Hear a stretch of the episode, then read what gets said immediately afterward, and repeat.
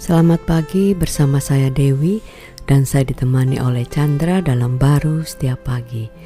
Yehezkiel 36 ayat 26 dikatakan, Kamu akan kuberikan hati yang baru dan roh yang baru di dalam batinmu dan aku akan menjauhkan dari tubuhmu hati yang keras dan kuberikan kepadamu hati yang taat.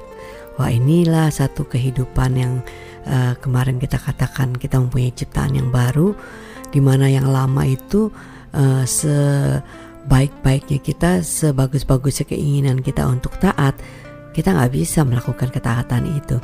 Tetapi dengan ciptaan yang baru, Tuhan memberikan satu roh yang baru, yaitu kita mudah sekali itu menjadi DNA kita sesuatu yang yang harus e, menjadi taat itu ya bukan susah payah lagi itu menjadi bagian daripada hidup kita kan iya sebenarnya eh, ketaatan itu indah dan eh, punya kuasa ya sebenarnya hmm. kan.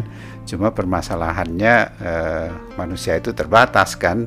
Betul. Eh, seperti kita mentaati Tuhan itu kan kamu bayangkan kan eh, seekor anjing misalnya mentaati manusia untuk melakukan seperti manusia itu kan sangat terbatas sekali kan hmm. uh, diajarin sekali-sekali bisa iya ya mungkin ter, hal tertentu dia bisa tapi berkomunikasi dengan intim dengan manusianya juga terbatas Betul. gitu kan uh, jadi uh, realem hidupnya sudah berbeda kan hmm. uh, tentu uh, Tuhan ingin manusia memiliki hati yang taat kepada dia tapi Tuhan juga tahu manusia tidak punya kemampuan untuk bisa uh, memenuhi eh, ketaatan yang Tuhan inginkan di dalam kehidupan dia Betul. walaupun manusia itu tahu ya dengan eh, Tuhan maupun dengan interaksi satu dengan yang lain hmm. gitu maka itu Tuhan katakan ku berikan hmm. ingat itu diberikan hati yang taat sehingga oh. kita menjadi sadar setaat-taatnya kita, kita itu manusia yang nggak taat. Hmm. Ya, ada orang bangga kan ketaatan dia, kesetiaan dia sebenarnya apa yang dibanggakan bisa menjadi satu kelemahan wow. karena dari diri dia yang sudah jatuh wow. dia butuhkan penebusan hmm. maka itu diberikan itu gambaran aja hmm. kita yang ada di dalam Kristus wow jadi berarti bukan berarti kan kadang kan kita dibilangin kamu harus taat kamu sudah diberkati kamu harus taat kayak gimana Tuhan berkati kamu kalau kamu tidak taat nah itu kan yang menjadi satu tuntutan yang kita pikir kita bisa ya Ya, sebenarnya kita perlu mengerti aja.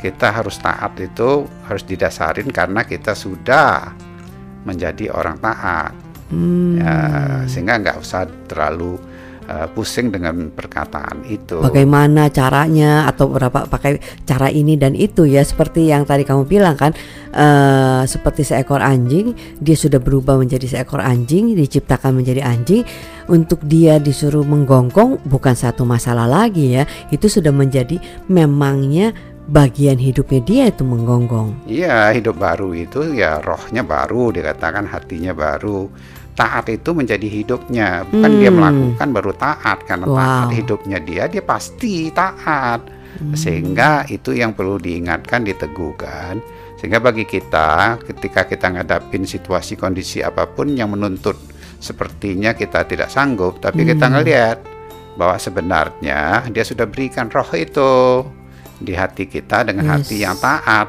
sehingga kita nggak nolak dulu kita percaya kepada dia kita itu tidak bisa tidak taat. Hmm. Dengan pemikiran wow. seperti itu ada kekuatan roh yang dari dalam ini untuk menyatakan dalam perjalanan hidup kita. Amin. Amin.